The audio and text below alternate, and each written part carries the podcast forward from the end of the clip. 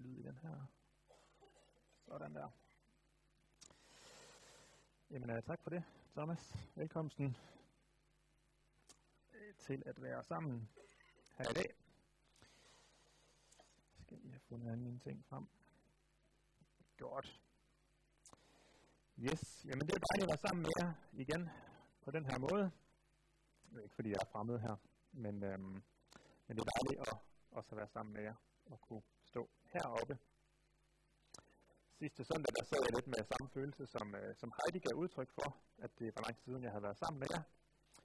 Og øh, det er nok også, fordi jeg ikke holdt jul her i Aarhuskirken for første gang i, jeg ved ikke, hvor mange år. Så det er dejligt at være sammen med jer alle sammen igen her i øh, 2020. Og, øh, og dejligt også at få lov til at prædike. Og det er jo, øh, når man står heroppe, både sådan lidt med glæde, men også lidt med bæven, at man skal til at øh, prædike og sige noget om Guds ord. Så heldigvis for mig og for jer, så, øh, så kan vi starte med at lægge den her prædiken over i, øh, i vores almægtige fars hånd. Så det vil vi gøre nu. Kære far i himlen, tak for muligheden for at være sammen her i dag. Tak for fællesskabet, og tak for det ord, som du også har givet til os. Kære Jesus, vi takker dig for frelsen. Tak fordi du kom med ordet. Og kære Helligånd, vi beder dig om, at du må lære os om vores situation, at vi har brug for frelsen. At du må åbne vores hjerter nu og lad det være ord fra dig, som jeg taler her. Amen. Yes. Vi, øh, vi sang øh, den her sang Alene til Gud, og det gjorde vi særligt på grund af de to sidste vers, særligt det sidste vers om Helligånden. Og øh, det skal vi nemlig tale lidt om i dag, eller jeg skal sige lidt om det, og det er også øh, den sang, vi skal synge efter prædiken, handler også om Helligånden. Den øh, handlede fremragende om, øh, om noget, der kom fint i tråd med det, jeg havde tænkt, jeg skulle sige. Øh, det blev lidt noget andet nogle gange, når man skriver prædiken, så øh, leverer det så lidt en anden retning, end man troede. Men øh, det fungerer nu fint nok alligevel. Vi skal starte med at rejse os op og høre øh, evangelieteksten. Og øh, det skulle være den rigtige, der også står der fra Johannes evangelie kapitel 4, vers 5 til 26. Der står sådan her. Han, altså Jesus, kom der til en by i Samaria, der hedder, der hed Sykar, i nærheden af det stykke jord, Jakob gav sin søn Josef.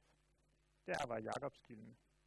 Træt af vandringen satte Jesus sig så ved kilden, det var ved den 6. time. En samaritansk kvinde kom for at hente vand. Jesus sagde til hende, giv mig noget at drikke. Hans disciple var nemlig gået ind til byen for at købe mad. Den samaritanske kvinde sagde til ham, Hvordan kan du, en jøde, bede mig, en samaritansk kvinde, om noget at drikke? Jøder vil nemlig ikke have noget med samaritaner at gøre. Jesus svarede hende, Hvis du kendte Guds gave og vidste, hvem det er, der siger til dig, du må have noget at drikke, så ville du ikke have bedt ham. Så ville du have bedt ham, og han ville have givet dig levende vand. Kvinden sagde til ham, Herre, du har ingen spand, og brønden er dyb. Hvor får du så levende vand fra? Du vil ikke større end vor far Jakob, som gav os brønden og selv drak af den, ligesom hans sønner og hans kvæg. Jesus svarede hende, en hver, som drikker af dette vand, skal tørste igen. Men den, der drikker af det vand, jeg vil give ham, skal aldrig i evighed tørste. Det vand, jeg vil give ham, skal i ham blive en kilde, som vælger med vand til evigt liv. Kvinden sagde til ham, Herre, giv mig det vand, så jeg ikke skal tørste og gå herud og hente vand. Han sagde til hende, gå hen og kald på din mand og kom herud. Kvinden svarede, jeg har ingen mand. Jesus sagde til hende, du har ret, når du siger, jeg har ingen mand. For du har haft fem mænd, og den du har nu er ikke din mand. Der sagde du noget sandt. Kvinden sagde til ham, Herre, jeg ser, at du er en profet. Hvor fædre har tilbedt Gud på dette bjerg, men I siger, at stedet, hvor man skal tilbede ham, er i Jerusalem. Jesus sagde til hende, Tro mig, kvinde, der kommer en time, da det hverken er på dette bjerg eller i Jerusalem, I skal tilbede faderen. I tilbeder det, I ikke kender. Vi tilbeder det, vi kender. For frelsen kommer fra jøderne. Men der kommer en time, ja den er nu, da de sande tilbedere skal tilbede faderen i ånd og sandhed. for det er sådan tilbyder faderen lave. Gud er ånd, og de, som tilbeder ham, skal tilbede i ånd og sandhed. Inden sagde til ham, Jeg ved, at Messias skal komme, det vil sige Kristus. Når han kommer, vil han fortælle os alt. Jesus sagde til hende, Det er mig, der taler til dig. Amen. Jeg skal sidde ned.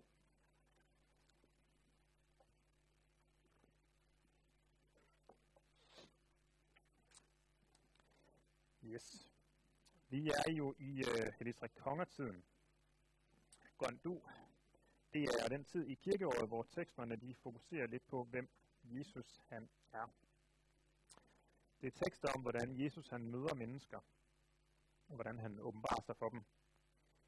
Sidste søndag så handlede det om, øh, om børnene, og hvordan Jesus møder børnene, er, at han endda siger, at vi skal blive som børn for at komme ind i Guds rige. Og i den her uge, så øh, møder Jesus den udstødte kvinde. Hende, som der ikke var nogen andre, der ville have noget med at gøre. Jesus møder dem, som ikke selv har noget at give. Det er dem, han inviterer ind i sit rige. Og det er i grunden lidt, øh, lidt sjovt, når man ser på det. For når Jesus han i, her i uh, Johannes kapitel 4 vælger at åbenbare sig for den samaritanske kvinde, så er det første gang, i hvert fald så langt vi kan læse i Johannes evangeliet, at han, venter, at, at han vælger at proklamere, at han er den ventede Messias. Han har gjort vand til vin ved, under ved brylluppet i Kana, og han har været i Jerusalem og, øh, og tale. Og der står i, øh, i Johannes øh, 2.24, at, øh, at mange troede på hans navn, altså Jesu navn, på grund af de tegn, han gjorde, men at han ikke betroede sig til dem. Så det er her, det er i Samaria, det er den samaritanske kvinde, at Jesus han først vælger at betro sig sådan offentligt, at han er Messias. Og Jesus han har nok ikke konsulteret noget PR-bureau, inden han øh, sådan har besluttet sig, hvor han ville åbenbare sig. Men det var sådan, at der var en, øh, en mur af fjendskab mellem jøder og samaritanere på den her tid. Så er det lige netop her i fjendeland, at Jesus vælger at sige, at han er Messias. Den, som hele det gamle testamente handler om, alle løfterne i det gamle testamente handler om, det er her, han vælger at åbenbare sig. Og så endda til en udstødt kvinde. Jeg tænker ikke, det har scoret mange point i sådan den, den brede offentlighed, at han vælger at gøre det her. Men, øh, men Jesus han går mindre op i, øh, i PR, end han går op i at møde folk. Øh, som Jesus selv siger et andet sted, så kommer han til dem, som har brug for en læge. Han kommer til kvinderne, han kommer til børnene, han kommer til alle, som ønsker hans frelse. Lad os, øh, lad os prøve, jeg har lyst til at lige prøve at kigge på teksten, øh, sådan øh, fra Johannes. Jeg kommer ikke til at bruge så meget af de andre øh, tekster, det er mest øh, det her med, hvordan han møder den samaritanske kvinde, vi skal beskæftige os med i dag. Lad os prøve at se lidt på det. Den, øh, den første pointe, som jeg har lyst til at understrege, det er noget, som jeg aldrig selv har lagt mærke til. Det er, hvorfor Jesus han egentlig sidder der alene ved brønden. Der står i vers 6, at træt af vandringen satte Jesus sig ved kilden. Han havde sendt disciplene ind efter mad. Jesus han var træt. Og det synes jeg i grunden er, er dejligt at læse. Øhm, Jesus han har prøvet at være træt. Han har prøvet at være sulten. Jesus han kender følelsen af det. I, øh, i Hebræerbrevet 4.15, der står der om Jesus, at vi ikke har en ypperste præst, der ikke kan have medfølelse med vores skrøbeligheder, men en, der er blevet fristet i alle ting, ligesom vi, dog uden synd.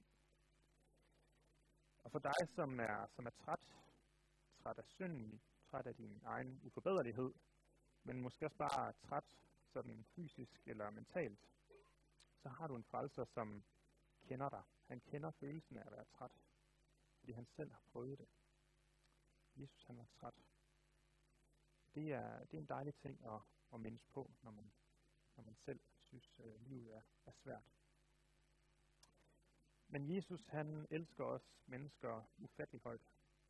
Og selvom han var træt efter vandringen, så tager han kontakt til den her samaritanske kvinde.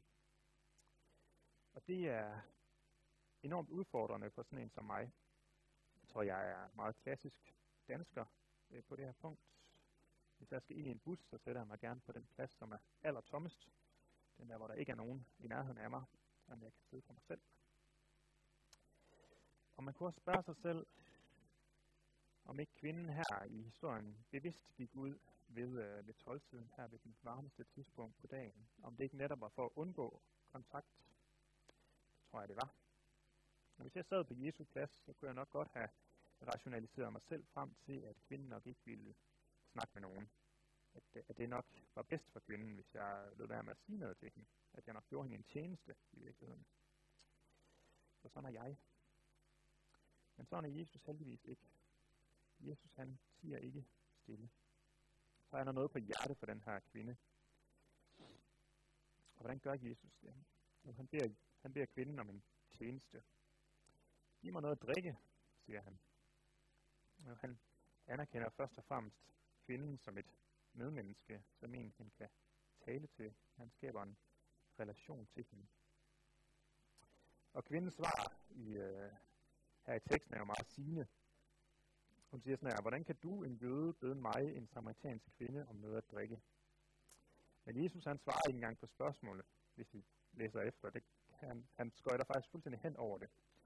Øhm, for han har noget, øh, noget andet, han gerne vil kvinde. Han har noget at tilbyde kvinden. Han ved, at hun skal kende til det levende vand. For Jesus, han, han nøjes ikke bare med at nedbryde stereotyper og, og menneskeligt fjendskab. Jesus han er ikke blot et godt menneske og et forbillede på, hvordan vi skal møde hinanden. Det er han også, bestemt, og vi skal helt bestemt efterligne den måde, som Jesus han møder både kvinden og børnene og, og alle de andre, han møder igennem evangelierne. Men, men Jesus han, han vil noget mere. Det, som Jesus han ønsker for kvinden, er jo netop, at hun skal drikke af levende vand. At det skal blive til evigt liv for hende. Det er, det er den næste ting, som den her tekst udfordrer mig på. Det er den her nød for min næste, som Jesus har. Jesus han ser ikke bare kvinden som den er udstøtte, den der ingen andre, der vil have noget med at gøre. Nej, han ser en kvinde, som har brug for frelsen. Jeg tror, vi må bede om at få Jesus sindelag for vores næste her. Og så kommer det næste udfordrende punkt i, øh, i Jesu møde med den her kvinde. For det er klart, Jesus siger selv, at han ønsker at give hende det evige liv. Og så peger han direkte på synden i hendes liv. Gå hen og kald på din mand og kom herud, siger han. Han har snakket med kvinden i fem minutter, og så siger han det her. Og den her kvinde, hun levede i utroskab. Det var formentlig derfor, hun var herude midt på dagen, fordi hun ikke ønskede at, at være sammen med andre mennesker, der skulle pege fingre af hende. Men hun levede i utroskab. Hun havde flere mænd. Hun havde haft flere mænd, og den mand, hun var sammen med nu, det var ikke hendes mand. Hvorfor er det, Jesus han gør det her? Hvorfor peger han så direkte på hendes søn? Det gør han jo, fordi han vil have, at hun skal have det her levende vand. Han ønsker, at helligånden skal komme hendes liv. Han ønsker, at hun skal have det evige liv. Og Jesus han ved, at den her synd, den adskiller hende fra Gud. At den, der lever i synd, ikke skal arve Guds rige. Og derfor så peger han med kærlighed for hendes søn. Og det er endnu en ting, som den her tekst, den udfordrer mig på. For når Jesus som noget af det første i mødet med kvinden påpeger hendes synd, så må det være fordi, at den er dødsens farlig for hendes tro. Og det må også udfordre os til at tænke over, hvilken synd der er i vores liv. Jesu kærlighed er grænseløs. Det vidner lige præcis den her tekst jo om. Han tager kontakt til kvinden, der er ingen andre, der vil have noget med at gøre. Men Jesu kærlighed, den er ikke konsekvensløs. Jesus han ved, at synden den ødelægger vores liv. Han ved, at den adskiller os fra Gud. Sidste søndag, der, der var det øh, den her tekst med børnene, det, det handlede om fra Markus 10. Og lige før den tekst, der taler Jesus nogle øh, alvorlige ord om, øh, om skilsmisse. Og lige efter episoden med børnene, så, øh, så går Jesus ud på vejen, og så møder han den her rige unge mand, øh, som spørger, hvad han skal gøre for at blive frelst. Og Jesus fatter kærlighed til ham og siger, at han skal opgive hans rigdom, og så komme og følge ham. Og, og de her to ting, som, som teksten i dag og, og den her episode med den, med den unge mand, de, øh, de fortæller om, det er grådighed og, og ægteskabsbrud. De to af de sønder, som Jesus konfronterede mennesker med, da han, øh, da han gik rundt. Altså to, to ud af flere. Hvad ser Jesus, når han ser os? Hvis vi kom hen til Jesus som den her unge mand, og spørger Jesus, hvad skal vi gøre for at have evigt liv? Hvad er det så, Jesus han vil pege på? Hvad er det, der skal til? Hvad er det, som skiller os fra Gud? Det er muligt, at Jesus også i dag vil svare til mange af os, at svaret vil handle om sex og penge. Jeg ved det ikke. Jeg tror, at vi mennesker har en tendens til at tro, at vi udvikler os rigtig meget, sådan som menneskehed. Men jeg er ret overbevist om, at synden den sidder i os på samme måde, som den sad i de mennesker, som Jesus mødte, da han gik rundt på jorden. Det har ikke ændret sig meget de sidste 2.000 år. Øh, lad mig prøve med et, øh, et eksempel fra mit, øh, mit eget liv. Da jeg var på, øh, på SU, så, øh, så gav jeg, øh, jeg fik, jeg fik SU, tjente ikke så meget ved siden af. Jeg, øh, jeg gav 10% til, øh, til, til, øh, til gode formål. Og det synes jeg, det var jeg faktisk veldig stolt af selv. Ja, det var mange penge, jeg havde jo ikke så mange. Øhm, det var fint. Så blev jeg færdig med min uddannelse, så fik jeg dagpenge. Det var jo dobbelt så mange penge, jeg lige sad mellem hænderne. Så, øh, så gav jeg lidt mere. Lidt modvilligt, men dog lidt mere. Siden fik jeg et, et job. Lønnen blev endnu bedre. Det blev lidt nemmere at give. Det var jo mere jeg fik ind, jo sværere var det at give væk. Jo sværere er det at give væk. Udgifterne de stiger jo også, så man skal også tænke på opsparing. Og det er også rigtigt, det skal man. Øh, udgifterne stiger, man skal også tænke på opsparing. Men kigger jeg ind i mig selv, så er det ikke derfor, at jeg ikke giver mere. Så er det fordi, jeg har lyst til at have mere. Det er kærligheden til penge, som holder min givertjeneste tilbage. Det er kærligheden til penge, som er større end kærligheden til Gud. Og det er synd i mit liv, som adskiller mig fra Gud. Den, øh, den samaritanske kvinde, hun var sammen med en mand, som ikke var hendes mand. Jesus siger, at den, som kaster et lystent blik på en andens hustru, har allerede begået ægteskabsbrud med hende i sit hjerte. Jeg har aldrig været gift. Jeg håber at blive det en dag.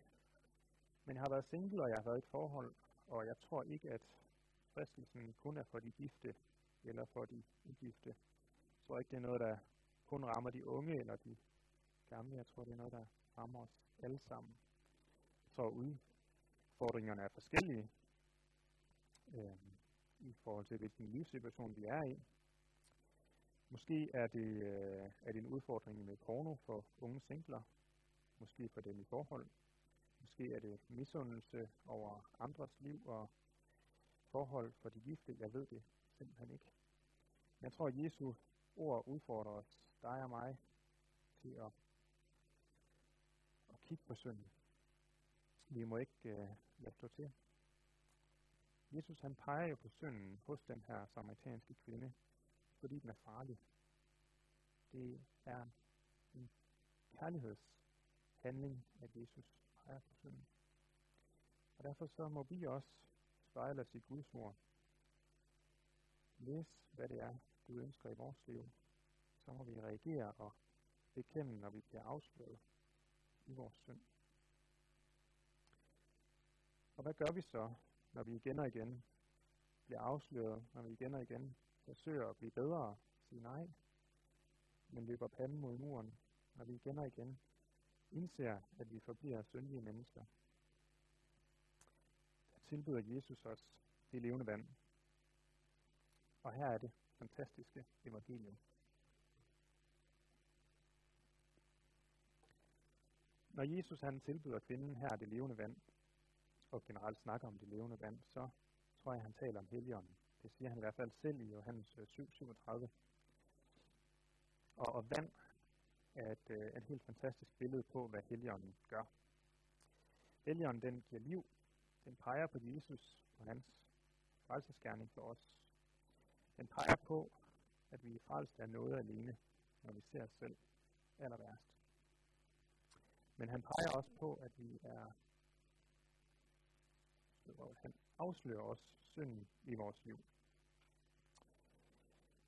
Jeg læste øh, en artikel her i sidste uge øh, på TV2-nyhederne om øh, en dansker, Jens øh, Tranum Christensen, som var fanget efter det her jordskælv på Haiti for nogle år siden. Han var fanget under murbrokkerne i tre dage. Og mens han øh, ligger der fanget, så overvejer han, hvor lang tid han nu kan klare sig uden vand. For, øh, for som han tænkte, hvis du ikke har noget væske i løbet, fået noget væske i løbet af 72 timer, jamen så sætter leveren eller nyrerne ud, og så kan de indre organer ikke rense blodet, og så får du forgiftninger og dør. Du får forgiftninger og dør, hvis ikke du får noget vand. Jeg tror, det er på samme måde med, øh, med helligånden. Hvis vi ikke får det levende vand, helligånden, som vi modtager, når vi hører ordet, gennem dåb og nadver, så bliver synden ikke renset ud i vores liv. Så giver vi ikke helligånden mulighed for at pege på den synd, der er i vores liv. Og stille og roligt, så forgifter synden vores liv og trækker os væk fra Gud. Og derfor så tror jeg, det er så vigtigt, at vi bliver nær ved Gud. Hører hans ord og reagerer, når han peger på de ting vores liv, der adskiller os fra ham. Derfor så kræver Gud også et, et nyt liv af os. Gud han hader synden, fordi den ødelægger os. Han adskiller os fra ham. Derfor vil han have, at vi skal leve efter hans bud. Paulus han skriver om det i, i Kolossenserbrevet kapitel 3, vers 3-5. Der står sådan her. I er jo døde, og jeres liv er skjult med Kristus i Gud. Når Kristus, jeres liv, bliver åbenbaret, der skal også I blive åbenbaret sammen med ham i herlighed.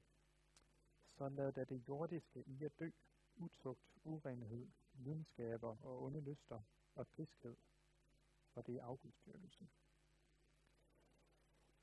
Det er klart tale det her.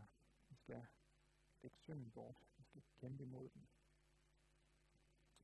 Og når vi så gør det, og når vi så kommer til kort, og det gør vi, så husk, Jesu ord til den samaritanske kvinde, det som han sagde først. Den, der drikker af det vand, jeg vil give ham, skal aldrig i evighed tørste. Du får jo ikke det levende vand på baggrund af dine gerninger. På samme måde som har Paulus øh, i, øh, også i Kolossenserbrevet, før det vi læser her, allerede slået fast med syv tommer søn, hvorfor det er, vi frelses fra, fra kapitel 2, vers 13-14, der skriver han sådan her. Også jer, der var døde i jeres overtrædelser, uomskårne på kroppen, gjorde Gud levende sammen med ham, da han tilgav os vores overtrædelser.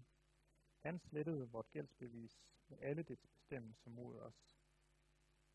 Han fjernede det ved at navle det til korset. Vi var døde. Da vi var døde, der gjorde Gud os levende ved Kristus. Jeg synes, det er dejligt at vide, at det er det, Paulus starter med at skrive. Han starter med at skrive, at synden er slettet. Jesus slettede vort gældsbevis. Og så skriver han om det liv, vi skal leve. For vi skal leve det liv efter Guds bud. Men det kommer på baggrund af vores slettede gældsbevis. Så vi skal leve efter Guds bud. Vi skal reagere, når Helligånden viser os den synd, vi har i vores liv. Vi skal bekende den. Vi skal frygte den, for den er gift, som kan skille os fra Gud. Og når du så igen kommer til kort, så skal du vide, at Gud har slettet gældsbeviset, at vi er frelst af noget alene. Jesu møde med den samaritanske kvinde her skal udfordre os. Den skal udfordre på synden i vores liv. Den skal udfordre os på den måde, som vi møder andre mennesker på skal udfordre os på vores nød for de ufrelste, Den skal den opmuntre os. Den skal opmuntre os, fordi vi har en frelser, som kender os, både når vi er friske og når vi er trætte. Og den skal opmuntre os, fordi vi har en frelser, som elsker os så meget, at han gav sig selv, fordi han ved, at vi ikke kan i os selv. At han har frelst os. Det er fantastisk. Jeg har lyst til at afslutte med at, øh, at bede. Lov og tak og evig ære være dig, vor Gud, Fader, Søn og Helligånd. Du som var, er og bliver en sand, treenig Gud, højlovet fra første begyndelse, nu og i al evighed. Amen.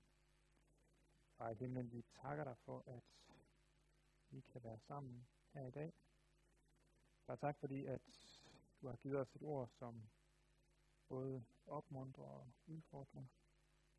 Far, vi beder om, at når du peger på de ting, der er i vores liv, som adskiller os fra dig, som synd er i vores liv, har de samme at reagere på det, at vi må bekende dem for dig. Far, så takker vi dig for, at du har slettet vores gældbevis. Tak for, at vi er frelst af noget alene. At du har gjort alt. At vi derfor kan med frimodighed og med glæde længes efter den dag, hvor der aldrig skal være synd mere, når vi ikke skal være sammen med dig. Far, vi beder om, at du må bevare os på den vej.